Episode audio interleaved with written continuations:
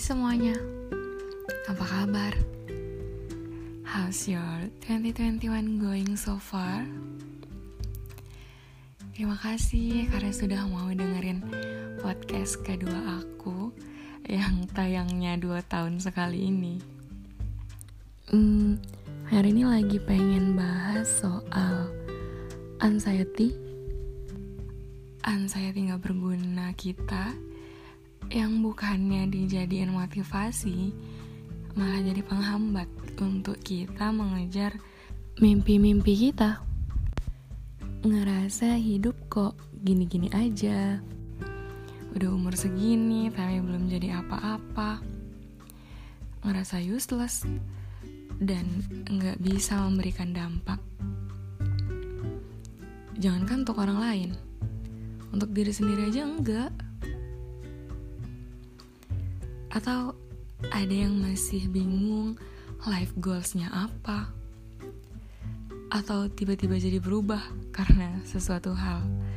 Misalnya, keinginan kita yang ternyata nggak sesuai sama inginnya orang tua kita. Soal apa pun, entah itu karir atau percintaan.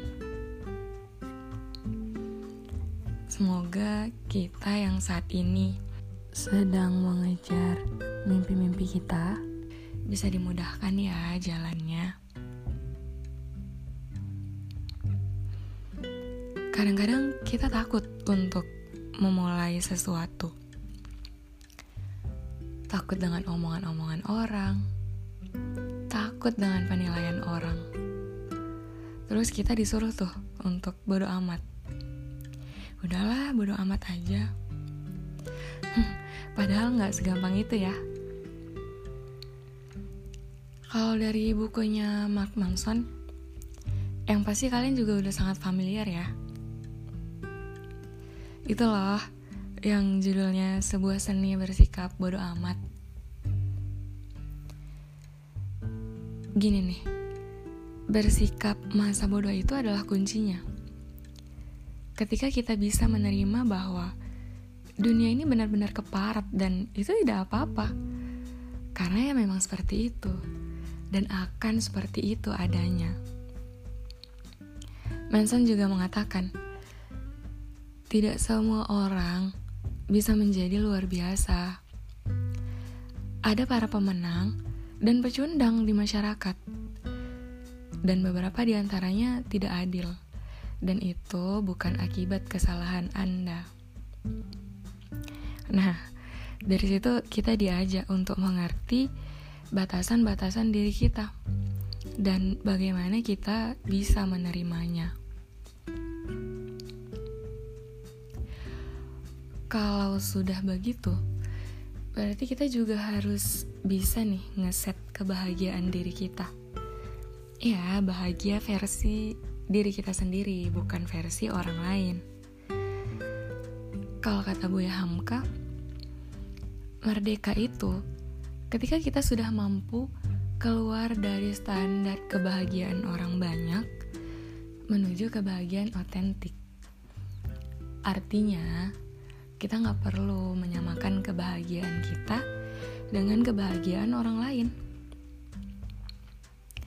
Tapi ngomongin soal orang lain, karena kita juga nggak sadar gitu ya kalau kita juga suka nih nyeritain orang lain ngurusin hidupnya orang lain nyeritain kesalahan dan dosanya orang lain. Padahal ya udah kan biar urusan dosa-dosa orang itu cukup jadi itu foksinya malaikat atid kita nggak usah ikut-ikutan. Tapi berat ya. Uh, aku pernah nih curcol gitu sama seseorang. Namanya Fazila semoga dia dengerin ini ya. Dia junior aku di kampus. Dia keren sih. Apa yang dia bilang benar-benar ngasih afirmasi positif buat aku. Dia bilang gini mikirin kalah menang itu nggak akan ada habisnya. Meskipun kita udah grow up much better but growing up isn't always about rainbow and butterfly. Ada sesuatu yang membekas yang membuat kita jadi seseorang yang berbeda dan baru. Ada beberapa orang yang hadir di hidup kita yang tanpa sadar membentuk karakter kita jadi orang yang sekarang. Bukan salah dia, tapi salah kita aja yang lebih percaya sama orang lain ketimbang sama diri sendiri yang udah dari plasenta bareng-bareng. Emang enakan ngomong sih daripada ngelakuin. Tapi hidup kan soal belajar setiap hari. Coba deh kita melihat semua orang tuh adalah teman kita untuk bertumbuh. Gak peduli dia pernah ngasih hal buruk atau dia orang yang paling gak suka sama kita. But take them as friends gitu. Jadi kalau kita ngelakuin kesalahan atau kurang maksimal, oh oke okay, nggak apa-apa karena mereka juga pasti nggak peduli-peduli banget kok sebenarnya. Jadi kan, yuk coba deh untuk questioning and creating our own value. Yang mungkin lagi kehilangan semangat, yuk dicari lagi semangatnya. Support sistemnya.